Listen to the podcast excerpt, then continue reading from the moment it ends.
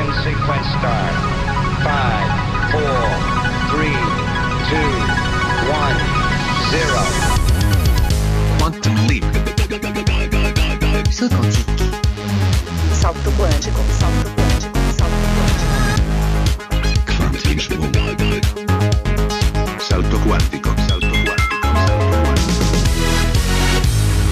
Kvanthopp, det du inte visste att du ville veta. Morgens på er gott folk så var det kvanthoppdags igen med mig, Markus Rosenlund. Hoppas att ni har lyckats memorera den nya sändningstiden. Om inte, tja, no, då hör ni ju inte det som jag säger just nu så det var nog kanske ingen poäng med att säga det. Men vi finns ju på Yle Arenan också och där finns vi dygnet runt från måndag till söndag. Ja, och programmet sänds ju i repris på lördagsmorgnar klockan sex numera, så hälsningar till alla som är på väg hem från nattskiftet just nu. Försök hålla er vakna hela vägen hem. Hur som helst, idag ska det handla bland annat om rymden, överraskning, ur ett par olika synvinklar. Det ska handla bland annat om en ny potentiellt revolutionerande raketmotor som egentligen inte borde kunna fungera utan att bryta mot en hel hög med fysikens lagar, men den fungerar ändå. Eh, vi ska också höra om det nya arktiska centret för rymdrelaterad företagsamhet som Europeiska rymdstyrelsen ESA planerar att starta här i Finland. Ilona Lundström är överdirektör för närings och innovationsavdelningen vid arbets och näringsministeriet och hon menar att vårt rymdkunnande här i Finland hittills har hamnat lite i skymundan, men nu ska det bli en ändring på den saken. Ehkä me voitaisiin sitä vielä vähän enemmän niin sanotusti puffata ja mainostaa, että myös arkielämässä me nähtäisiin, että missä se suomalainen teknologia vaikuttaa. Vi läser ju som aldrig förr om man räknar alla nya former av läsning via alla olika skärmar, läsplattor och så vidare. Här i Kvanthopp har vi inlett en ny serie där kända profiler inom vetenskap och teknik delar med sig av sina lästips och ritar upp en kostpyramid för läsning också. Idag träffar vi medeltidsforskaren Tuomas Heikkilä vars läsmiljö just nu präglas av att han bor i Italien där han är chef för Finlands Rominstitut. Det är otroligt hur många medeltida källor det finns i Rom. Alltså, det finns hundratals bibliotekar och arkiven och alla har mycket mera medeltida källor än det finns i alla skandinaviska länder. Näst- Tillsammans. tillsammans, just det. Tuomas Heikkilä hör du om cirka en halvtimme här i Kvanthopp.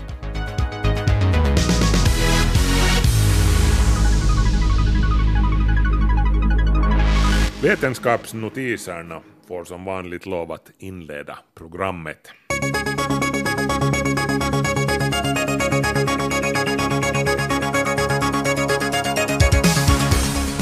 Goda nyheter för alla vänner av den lilla kometlandaren Philae ute på sin komet 67P Churyumov-Gerasimenko. Det gick ju lite snett när Philae landade på kometen i november 2014 och kontrollrummet tappade ju inte bara kontakten med landaren, den studsade in bland skuggorna och försvann från sikte. Men den här veckan meddelade Europeiska rymdstyrelsen ESA att man har hittat Philae på en av fotografierna av kometen som Philaes moderfarkost, rymdsonden Rosetta, tog den 2 september. Och det var minsann i elfte timmen som man spanade in Philae. Eh, Rosetta har nämligen gjort sitt nu och ska stängas av i slutet av september. Vi trodde redan att filen var förlorad för alltid, säger Rosetta-projektets chef Patrick Martin.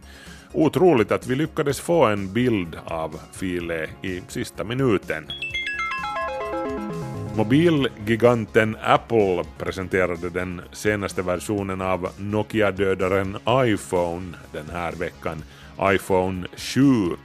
Och mottagandet bland förståsigpåarna och teknikbloggarna var Tja, no, lite ljummet kanske. Apple har på sistone brottats med vikande försäljningssiffror och beskyllningar om att man har tappat stinget beträffande design och innovation. Och helt fel har kritikerna ärligt talat inte. Eh, den nya iPhone, ja, no, den är vattentät och den har en snabbare processor. Eh, fast det här är egenskaper som alla andra tillverkare också redan erbjuder. Designen har inte förändrats och batteritiden är ungefär densamma. Eh, dessutom har Apple tagit bort det traditionella hörlursuttaget helt och hållet. Istället är det meningen att man ska använda trådlösa hörlurar eller en medföljande adapter som pluggas in i laddningsporten på telefonen. Som tröst får man en bättre ljudkvalitet, inom citat. Tja, bestäm själva om det är skäl nog till att uppgradera. Vissa människor påstår ju sig kunna känna förändringar i väderleken i sina ben och leder. Men ligger det någonting bakom det här? En brittisk studie från University of Manchester kommer med lite överraskande resultat. Det visade sig nämligen att folk upplevde mer smärtor i april till juni då temperaturen steg än under vintermånaderna. Undersökningen gjordes med hjälp av en mobil app som folk laddade ner och använde till att föra dagbok över sina smärtor.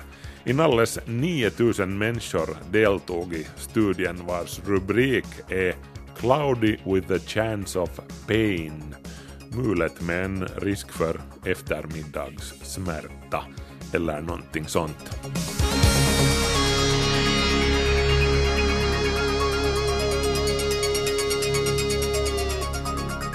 Nu ska vi uppmärksamma en spännande ny motor som det har viskats en hel massa om i rymdkretsarna på sistone.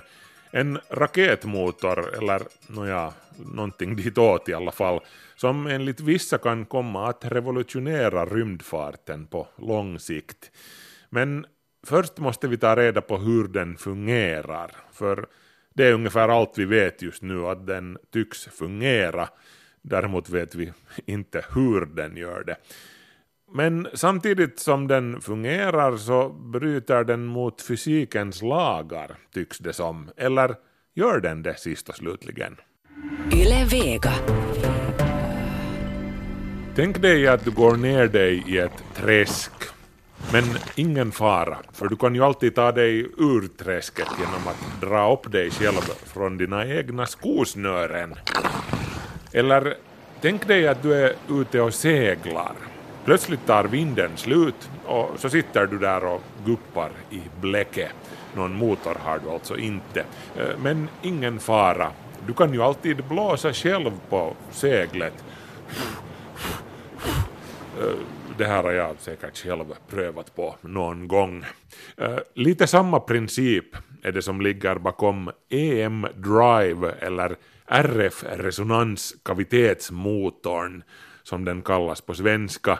En ny revolutionerande raketmotor eller åtminstone motsvarande som påstås skapa drivkraft utan någon form av reaktionskraft.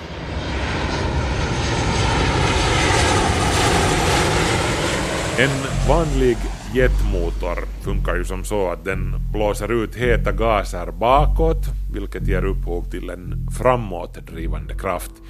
RF-resonansmotorn, den blåser så vitt någon kan se inte ut någonting alls. Men ändå tycks den fungera och det här har skapat enorma kontroverser inom vetenskapsvärlden på sistone och alla ända upp till NASA har byggt sina egna versioner av den och försökt luska ut hur den fungerar eller hur den inte fungerar, att den är en bluff. Men de har inte lyckats, för motorn producerar envist en svag men omisskännlig framdrift. Och det här är liksom mot lagen, naturlagen, lagen om rörelsemängdens bevarande, Newtons tredje lag, ni vet. Två kroppar påverkar alltid varandra med lika stora men motriktade krafter.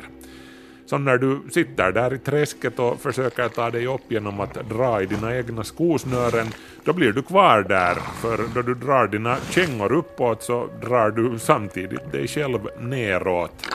Av samma orsak borde inte RF-resonansmotorn funka.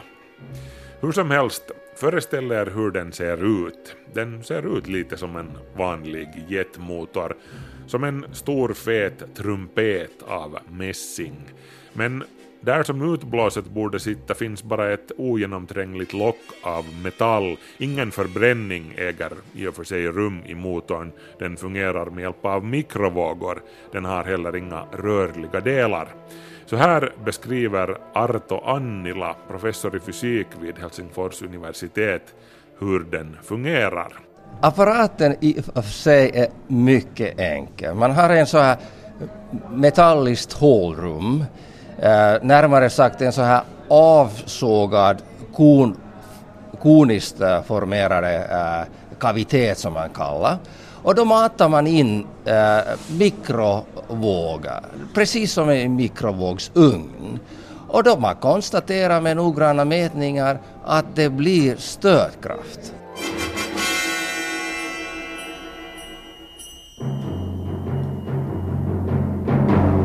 Ja, trots att den inte borde göra det så skapar motorn alltså en liten men tydlig stötkraft. Principen bakom RF-resonansmotorn beskrevs första gången av den brittiska forskaren Roger Shawyer 1999 och han blev ju föga oväntat grundligt utskrattad men bara sedan 2012 har nio olika oberoende studier gjorts där forskare från bland annat Tyskland, Kina och som sagt NASA har byggt sina egna RF-resonansmotorer och de har alla noterat samma sak. Den funkar. Den producerar stötkraft svagt, men i alla fall.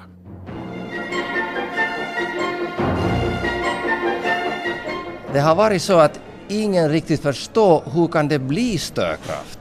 Eftersom det är helt sluten så väntar man sig på att ingenting ska komma ut. Alltså mikrovågen kommer in men eftersom det är metall så är det liksom en spegel för det här ljus. Så ingen, ska komma, ingen, ingen ljus ska komma ut. Om ingen, ingen avgas så ingen stödkraft. Mm. Så tycker man. Nåja, Arto Annila och ett par av hans kollegor vägrade lämna saken vid det här. De gnuggade sina geniknölar och skrev en vetenskaplig uppsats om saken. I den beskriver de hur de tror att motorn fungerar. Och de hävdar alltså att motorn blåser ut reaktionsmassa där bak, så att säga, precis som en jetmotor. Vi kan bara inte se den, för fotonerna som den består av är i 180 graders motsatt fas till varandra vilket gör att de tar ut varandras elektromagnetiska fält och därmed läcker ut ur motorn. Alla som har haft i handen så är en sån dyr eh, kamera eller en kikare vet vad vi menar. Eftersom eh, ofta sätter man en sån här tunn film ovanpå linsen för att det, det inte ska reflektera. I själva verket eh, det reflekterar precis som tidigare, men reflektioner kommer både från linsens och det här filmens yta. Och då de hamnar på, i motsatta fas, det vill säga att en ljusvågshöjden är precis på det stället var den andra ljusvågens äh, dalen är, mm. så äh, ser man äh, noll resultat. Och det är det som vi tänker att sker också i det här eh, metalliskt hålrum. Med andra ord, om Annila och hans kumpaner har rätt så skulle mysteriet alltså vara löst. Men det återstår att se, vi är bara i början av den här vetenskapsdeckaren ännu. Och Annila tror hur som helst att RF-resonansmotorn, också sedan då dess gåtor är lösta, kommer att visa sig vara nyttig.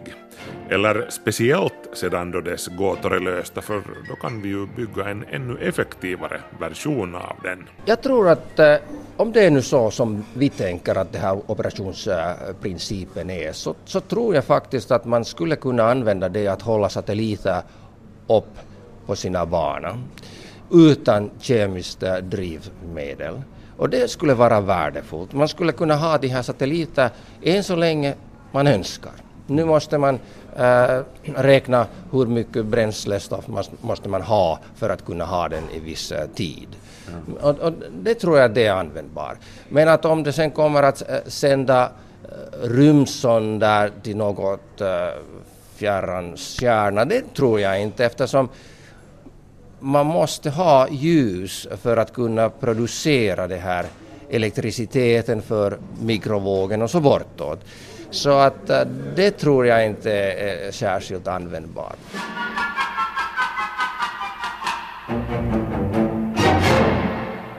Ni hörde Arto Annila, professor i fysik vid Helsingfors universitet. Kvanthopp, det du inte visste att du ville veta. Nu ska vi byta tema och det ska handla om trähus.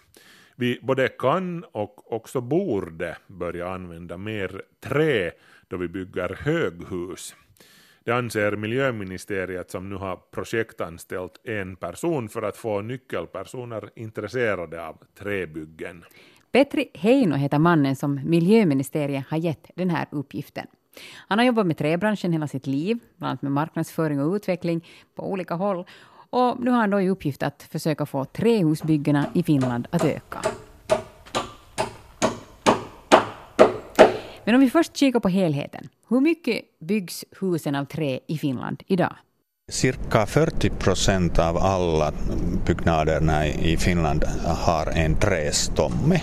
Så det är en ganska stor andel liksom inom Europa Uh, finns det en mar marknadsandel för trä bara, bara 6-7 procent så vi är ganska bra att bygga med trä. Att 40 procent av alla nya hus är av trä? Eller ja. har en trästomme där inuti ja. någonstans? Ja, mm. har en eh, bärande äh, trästomme. Okay. Ja. ja. Men ni tycker på miljöministeriet att det här räcker inte? Det räcker inte. Liksom, mindre byggnaderna är av trä. Till två etagen men större byggnaderna är, är inte så ofta eh, byggda av trä. Av höga hus så är bara 6 procent byggda i trä.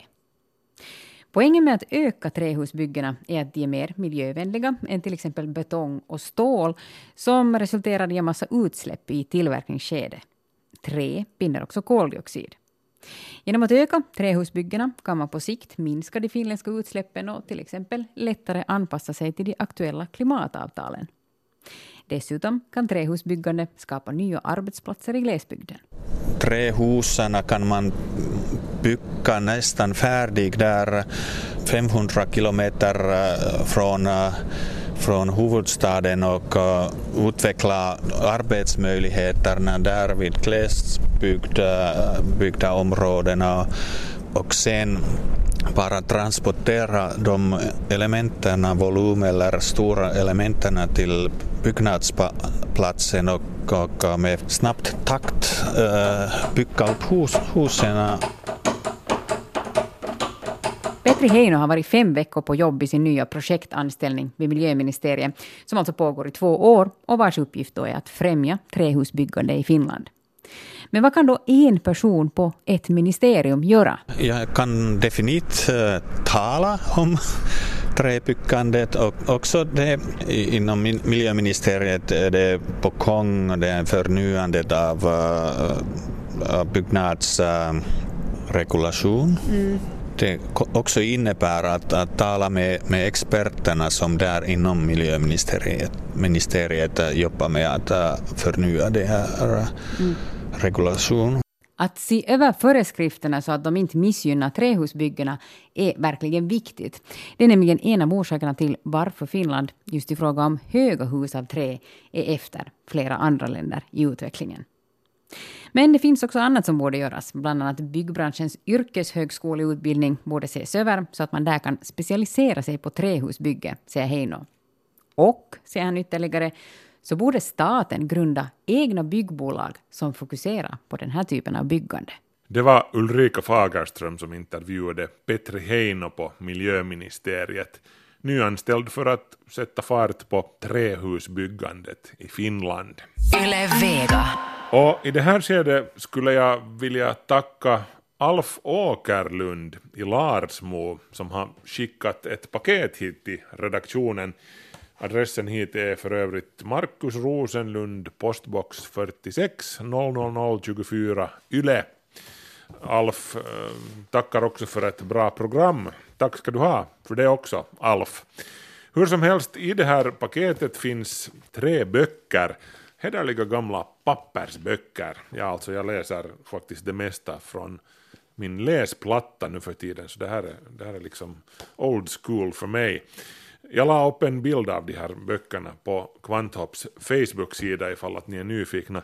Böckerna är Mätapparater och reläer från 1955 från Elektriska inspektoratets publikationer.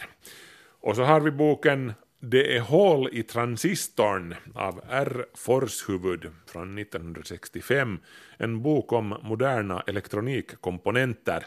Och sist men inte minst en bok om processdatorer, Process Computer on Board the TTC Sovereign från 1971.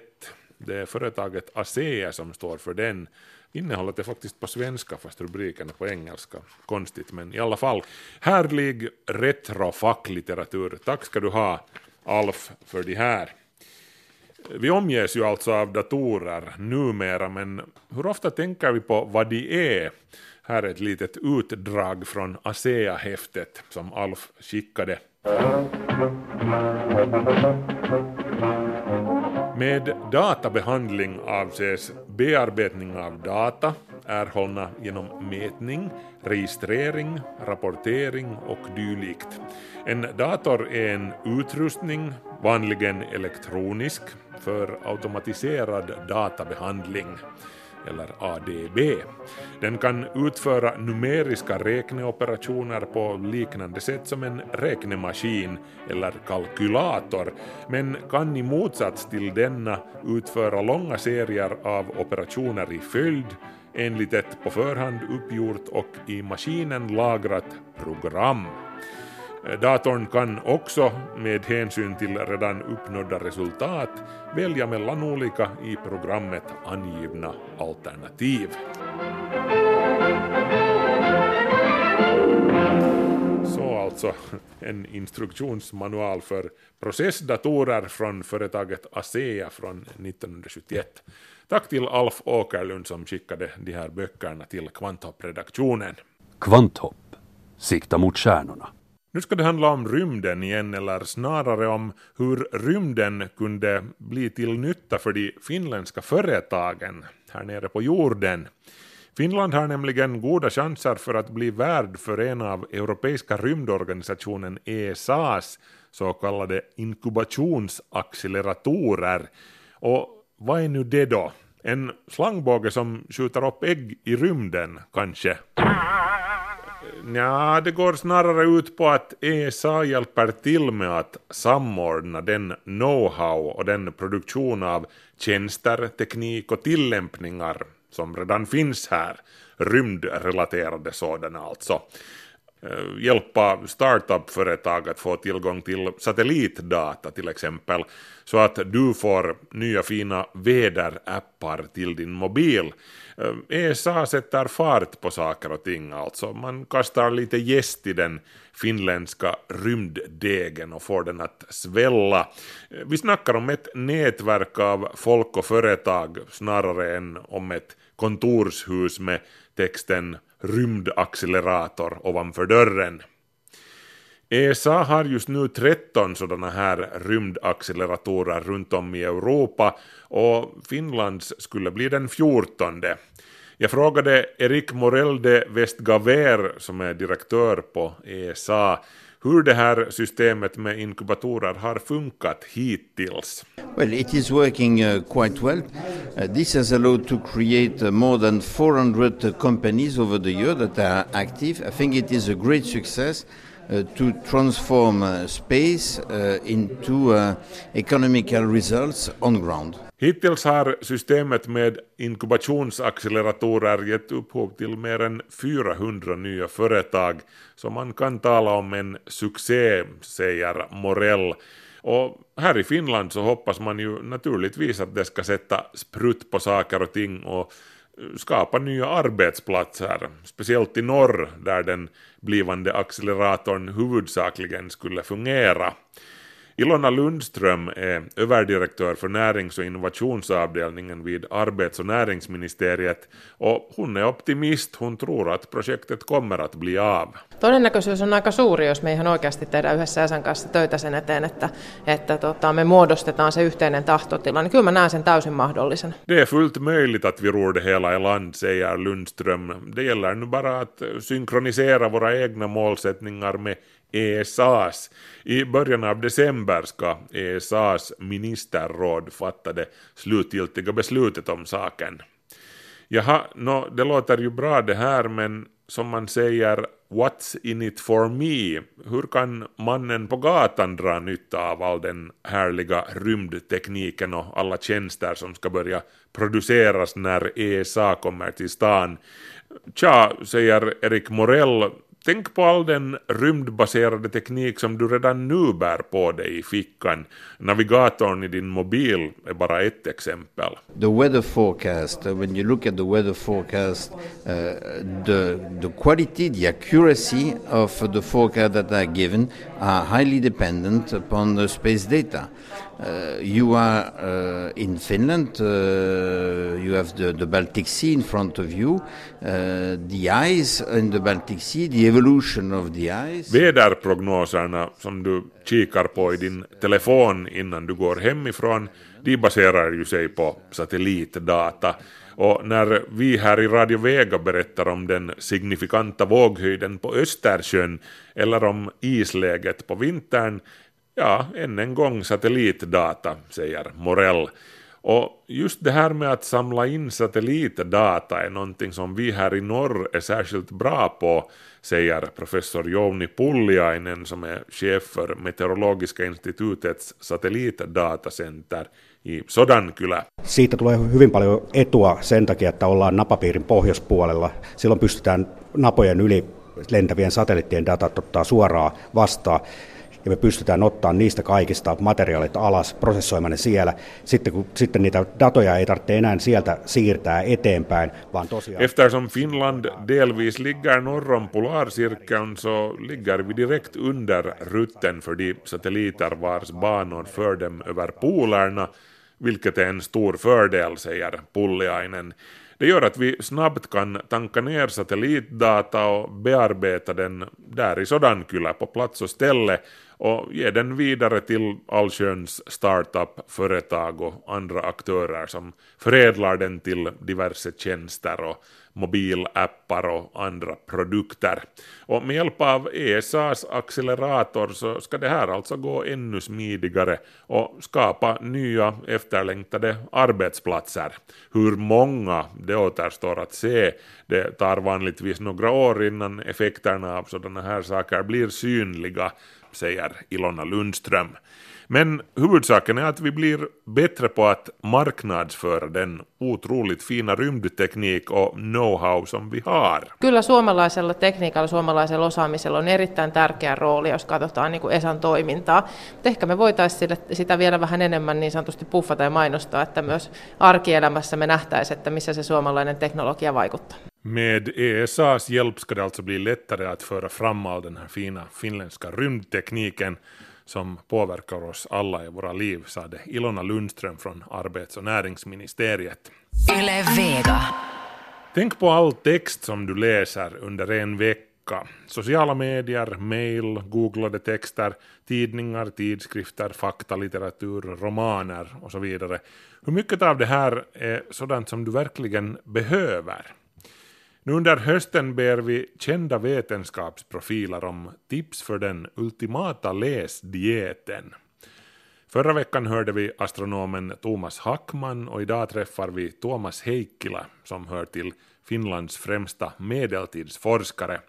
Sedan några år tillbaka är han direktör för Finlands Rominstitut i Italien men var nyligen hemma på besök i Finland och Ulrika Fagerström kunde stämma träff med honom i Nationalbiblioteket. Här var ju tyst.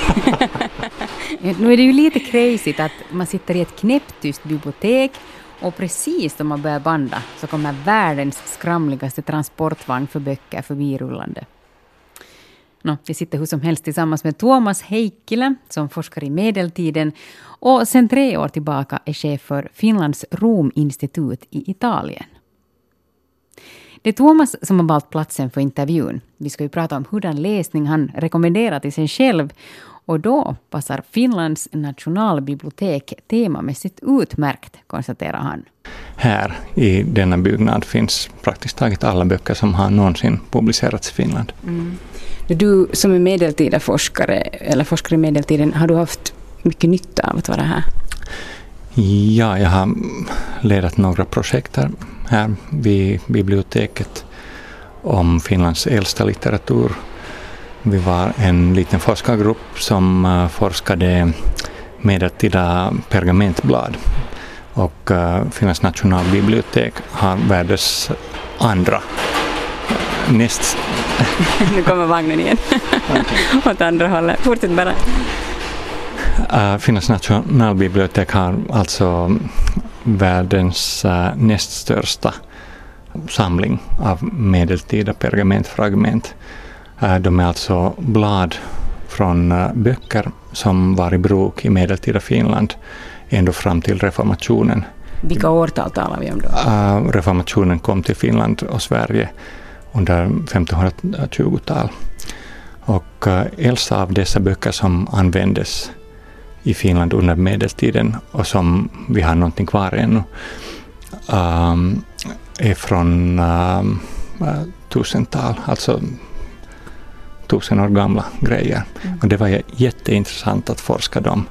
Och det var verkligen överraskande att se hur liksom tajta relationer Finland, det medeltida Åbo stift, hade med andra del, delar av det latinska Europa. Mm.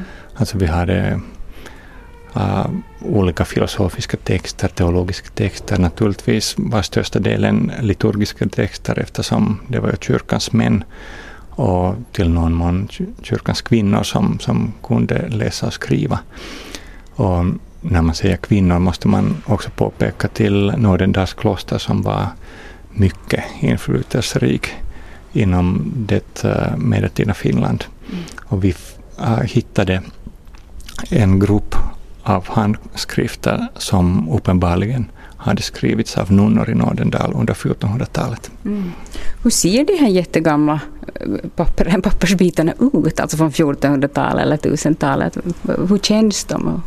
Är de skrovliga och tjocka? De luktar så underbart. så? ja, alltså, det, alltså när man forskar dem är det verkligen en gemytlig stämning. Alltså, um, någonting för alla sinnen. Mm -hmm. Men de är alltså inte uh, från uh, pappersböcker, men uh, de är alltså pergamentblad. Pergament är alltså skin, fårskin eller kalvskin. Och de, de är fragment, alltså vi har från några böcker har vi ingenting alls, alltså det är kanske 10 procent av allting vi har kvar. De, de var alltså skrivna på hand. De är alltså verkligen konstverk uh, i själva meningen av ordet.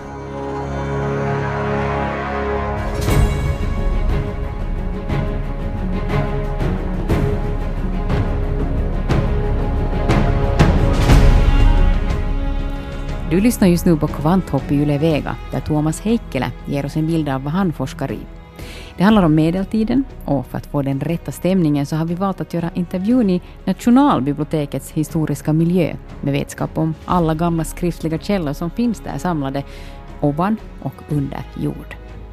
Nationalbiblioteket ligger intill Senatstorget i Helsingfors och Tuomas Heikkeles hemhamn, Helsingfors universitet, även om han nu de senaste åren har jobbat och forskat i Rom, där han är chef för Finlands Rominstitut. Tuomas modersmål är finska, men på sistone har det av förståeliga skäl blivit en hel del italienska och svenska pratar han tack vare tidigare studier i Sverige.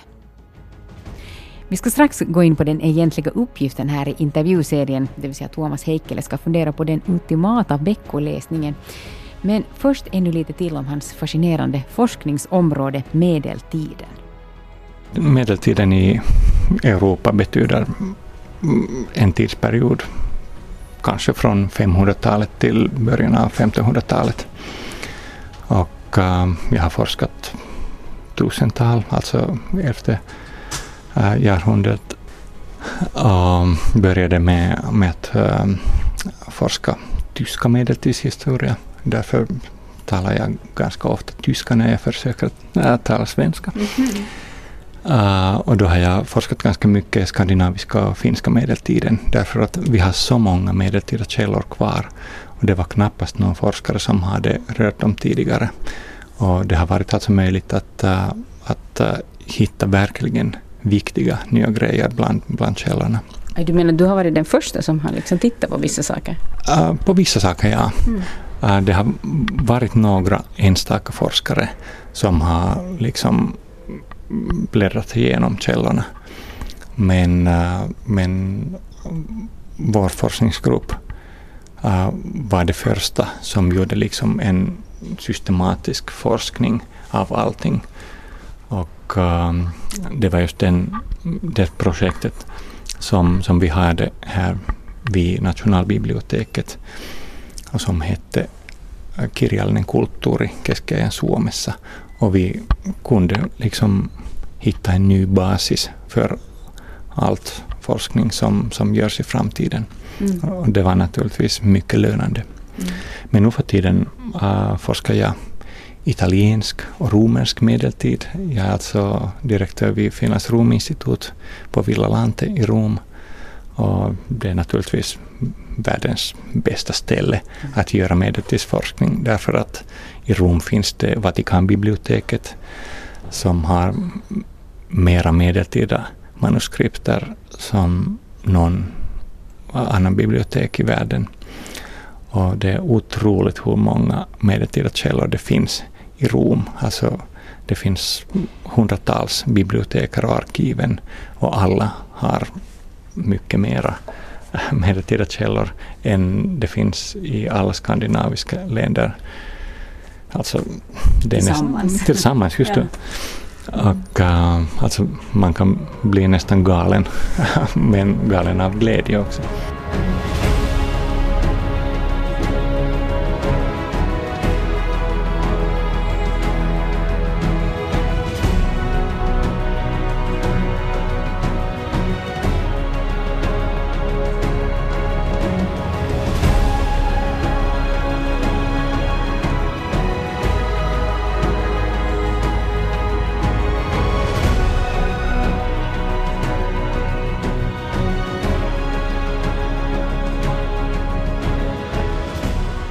Om vi tänker så här i vardagen och i jobbet, så där, överlag, läser du mycket?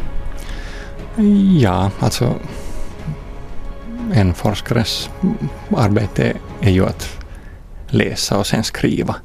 Och det är mycket mer läsandet än skrivandet. Mm. Och alltså varje dag läser jag någonting som har någonting att göra med, med mitt forskningstema.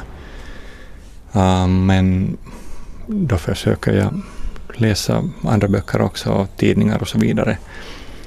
Och som man brukar säga på tyska på ett mycket passande sätt, uh, man ist vad man ist. Man, man är vad man äter. Men egentligen borde man säga att man är vad man läser. Därför att man är ju inte bara muskler och ben och allt detta, men, men idéer och intelligensen och allt detta som man, som man får från litteraturen. Ja, det är lite det som, som vi är ute efter här också i den här intervjuserien. Vi talar just mycket om det här att, att hur man ska äta eller motionera för att leva länge och väl i synnerhet. Men om vi skulle tillämpa det här samma tänkesättet på det som vi läser så vad behöver man då så att säga inta under till exempel en vecka för att, för att just ha så här lämplig kunskap i vardagen och för att fungera i samhället och för att må bra också. Uh, det som vi läser så påverkar just våra tankar och, Mm, och känslor och, och delvis våra handlingar också. Och lägger liksom en agenda på sätt och vis på vad vi tänker. Och du är då en av de här forskarna som har fått den här uppgiften att fundera på vad du skulle vilja liksom ordinera till dig själv då. Då gäller det all slags läsning, inte bara forskningstexter Mm, ja. utan mjölkförpackningar och Facebook och, och, och böcker och allting. Berätta först, hur tog du dig an den här uppgiften? Hur började du tänka? Det var en jätteintressant uppgift just eftersom i Finland läser vi så otroligt mycket. Och i Finland har vi den liksom lyckosamma situationen att, att praktiskt taget alla kan läsa. Och um, för mig eh, är kanske huvudsaken att, att man bara läser. Och uh, olika undersökningar har visat om och om igen att eh, när man läser eh, blir man eh, mer empatisk, man förstår andra människors liv, man förstår andra kulturer och så vidare och så vidare. Och de, de är exakt samma grejer som vi försöker få fram i humanistisk forskning som i historieforskning. Det är ju inte viktigt om man forskar medeltiden eller antiken eller 1700-talet, men det är ju viktigt att, eh, att man forskar vad det har varit att vara en människa. Och samma sak gäller till läsningen tycker jag. Alltså man kan, som du sa det, eh, läsa mjölkförpackningar. Och det är ju intressant. Eh, men kanske inte bara mjölkförpackningar. Men jag tycker nog att, att det är viktigt att läsa olika slags böcker och tidningar. Inte bara forskning i min, mitt fall. Um, men inte heller bara historiska romaner i mitt fall igen som jag, som jag tycker mycket, mycket om. Eller uh, deckare eller något sånt. Och um, just nu läser jag Karl Olof Knausgårds min kamp, fjärde delen. och jag kämpade emot det ganska länge men då sa min fru till mig att du måste läsa det. Och jag vet inte hur han gör det, men han är otroligt skicklig i att uh, få läsaren vilja läsa mera och mera. Det, det händer ingenting i böcker, men, men uh, att man, man läser, då börjar man tänka. Kanske är det på något sätt så nära uh, mitt eget liv och alltså läsarens eget liv. Uh, när Knausgård berättar om, om sitt ganska vardagliga liv uh, innan han blev megakändis. Och, alltså, det är ju bara intressant att uh, liksom kika in i en annan människans liv.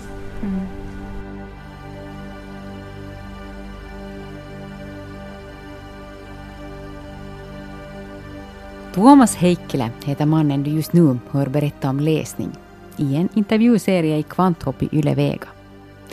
Tuomas har forskat en hel del i den nordiska medeltiden och nu på sistone också i den sydeuropeiska eftersom han sedan 2013 är stationerad i Rom som chef för Finlands Rominstitut. Temat i den här intervjuserien är läsning och tanken är att utforska hurdan läsning som känns viktig för en viss person. Målet är att personen väljer och vrakar bland alla sorters texter som ungefär finns och tar fram en rekommendation till sig själv, lite sådär som man rekommenderar näring på nationell nivå. Nu handlar det uttryckligen om det personliga behovet, inte rekommendationer till någon annan. Men det kan ju hända att man blir lite inspirerad och därför har jag samlat länkar i en artikel på svenska.yle.fi vetenskap. Nu går vi över till Tuomas Heikkiläs konkreta rekommendation till sig själv. Vad tycker han att han mår bra av att läsa och behöver på morgonen, på dagen och på kvällen? Jag måste ju säga att jag läser Helsingin Sanomat på morgonen. nu när jag har bott äh, utomlands i tre år äh, har det blivit liksom en ritual att se vad som har hänt i Finland eller vad som har hänt i världen äh, genom finska ögonen. Och det är ganska intressant att jämföra verkligheten uh, i Italien och i Finland. Och det är ganska stora skillnader brukar det vara. Menar du verkligheten som den är så att säga eller verkligheten som den så att säga ser ut via media? Som den ser ut via media. Mm. Till exempel är det ganska intressant att läsa vad som äh, skrivs i finska media om Italien. Och det är om Dolce Vita och hur härligt det är uh, att leva i Italien. Det kan vara om maffian, alltså ganska stereotypiska grejer. Um, men å andra sidan, vad som uh, skrivs i Italien om Finland, det är ju på samma sätt mm. är de uh, stereotypier. Alltså rena naturen och blyga men goda människor och allt detta. Och isbjörnar och allt detta.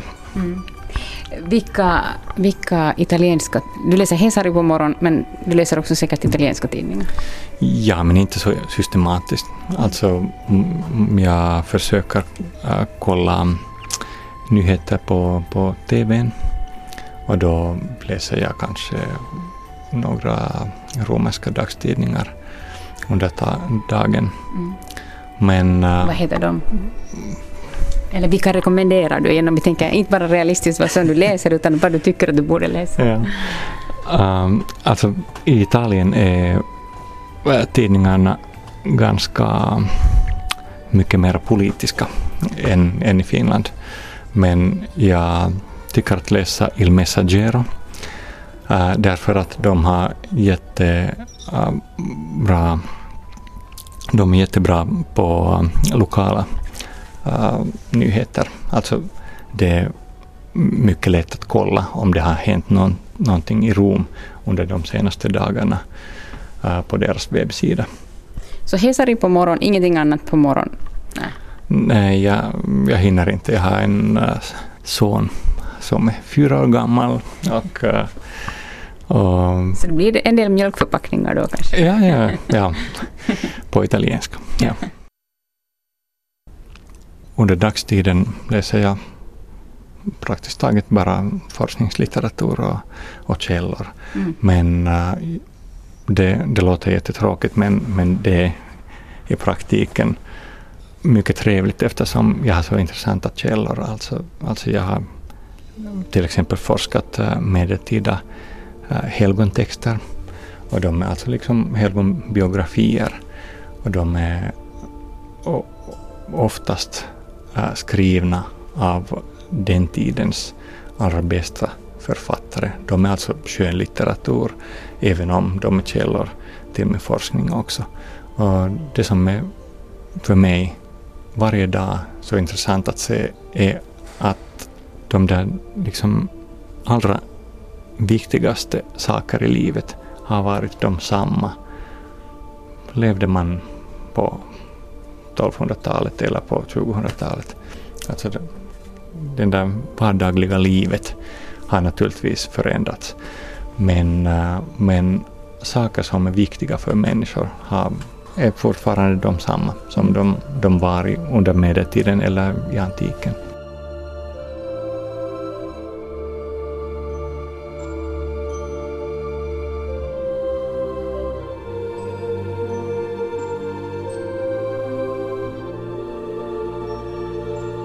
Som eh, direktör vid Finlands äldsta forskningsinstitut utomlands borde jag naturligtvis säga att man borde läsa klassiker, alltså eh, Julius Caesar, Augustus, eh, sådana gamla gubbar. Och, och, det stämmer tycker jag. Just därför att de är texter som har varit viktiga för generationer och generationer under 2000 år. Alltså de har någonting i sig som är viktigt för en människa. Och säkerligen har varje generation hittat något nytt i dessa texterna. Kanske även saker som inte finns där. Men, men det som är intressant är att uh, varje generation, liksom varje människa, läser alla texter från, från sin, sitt eget perspektiv. Alltså ställer olika frågor till texten eller boken eh, och så vidare. Och därför tycker jag att det är som sagt viktigt att, eh, att läsa även alla klassiska texter. Man behöver inte läsa dem varje dag, men uh, om man läser dem, vad vet jag, om man har läst dem uh, en gång i sitt liv kanske, uh, Eh, då vet man mycket mera vad som diskuteras och vad som har diskuterats och vad som har varit viktigt tidigare. Och då kan man liksom göra sina, fatta sina e-, egna beslut om jag vill göra detta mera eller om jag vill glömma alla dessa klassiker, de är ju så tråkiga. Så jag försöker följa några tidskrifter, till exempel Ähm, um, arvopapper eller Talouselämä eller något sånt. Eftersom det har blivit så, alltså ekonomin har blivit en så pass stor del av varje människas liv i, i Finland eller i västliga Europa i alla fall. Och jag tycker att det är viktigt att liksom kunna åtminstone grundprincipen och, och försöka följa uh, vad som sker. Och, um, när man läser dessa tidskrifter om ekonomin och ekonom ekonomiska frågor är det ofta ganska påfallande hur annorlunda de människor som arbetar inom ekonomiska branschen uh, tänker jämfört med oss humanister eller, eller historiker eller, eller så, så vidare. Men, men det, alltså, det har kommit tillbaka till den stora idén varför man borde läsa så mycket och så, så mångsidigt som möjligt. Att uh, det är ju det är ju bra för att uh, uh, förstå hur andra, andra människor tänker. Mm. Och, och, som jag kanske nämnde redan tidigare har olika undersökningar visat att uh, när man läser blir man mera demokratisk till, exempel. Och det är inte en slump tycker jag att äh, Finland är på äh, annat håll ett land i vilket man uh, nästan alla kan, kan läsa i Finland. Uh, och, och, och, samtidigt är Finland Eh, ett land som är mycket, mycket demokratiskt, kanske ett av de mest demokratiska länder i, i hela världen. Alltså de hör ihop tycker jag.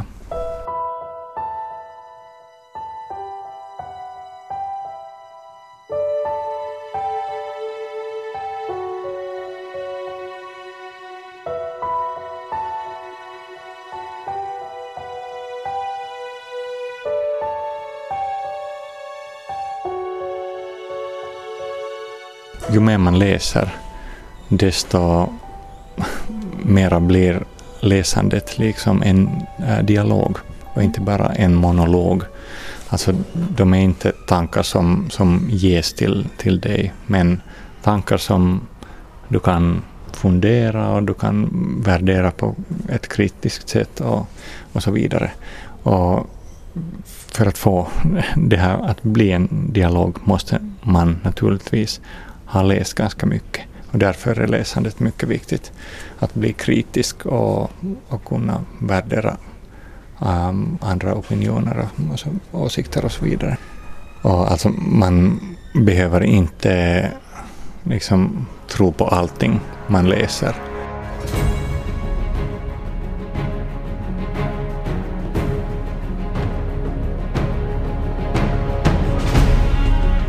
Under medeltiden var situationen ganska annorlunda eftersom det var bara några procent av befolkningen som, som kunde läsa. Och de var liksom makthavare. De var präster och munkar och nunnor och biskopar och uh, kronans uh, tjänstemän. Och på det sättet, alltså vad det vad som skrevs och vad, vad människor, vanliga människor hörde att läsas.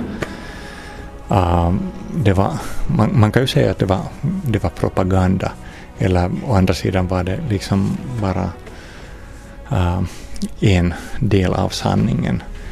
Uh, till exempel den eh, uh, kristliga, kristliga kyrkliga liturgin var naturligtvis uh, någonting som uh, prästerna, munkarna och nunnorna uh, trodde på. Men, uh, men för vanliga människor som inte kunde läsa dessa latinska ord själv var det liksom mera magi eller något sånt. Det var något gudomligt säkerligen. Mm. Och uh, nu för tiden kan vi naturligtvis vara mycket mer kritiska därför att vi kan läsa och vi kan välja vad vi läser. Men uh, detta val hade medeltida människor inte.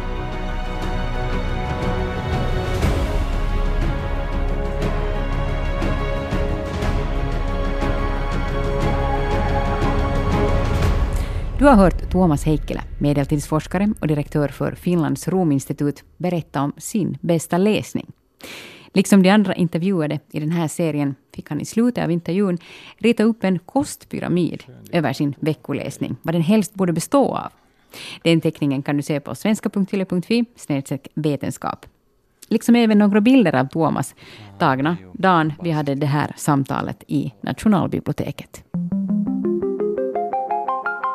Kvanthopp, det du inte visste att du ville veta. Så där ja, så var det dags att avrunda Kvanthopp för den här gången. Tack än en gång för visat intresse och som vanligt är ni välkomna att titta in på vår Facebook-sida där det alltid finns nytt och spännande stuff också mellan programmen. Kom också ihåg att Kvanthopps repris numera sänds följande veckas lördag på morgonen klockan sex. Men på Yle Arenan kan man ju lyssna precis när som helst. Markus Rosenlund så heter jag. Vi hörs nästa vecka. Ha det gott till dess. Hej så länge.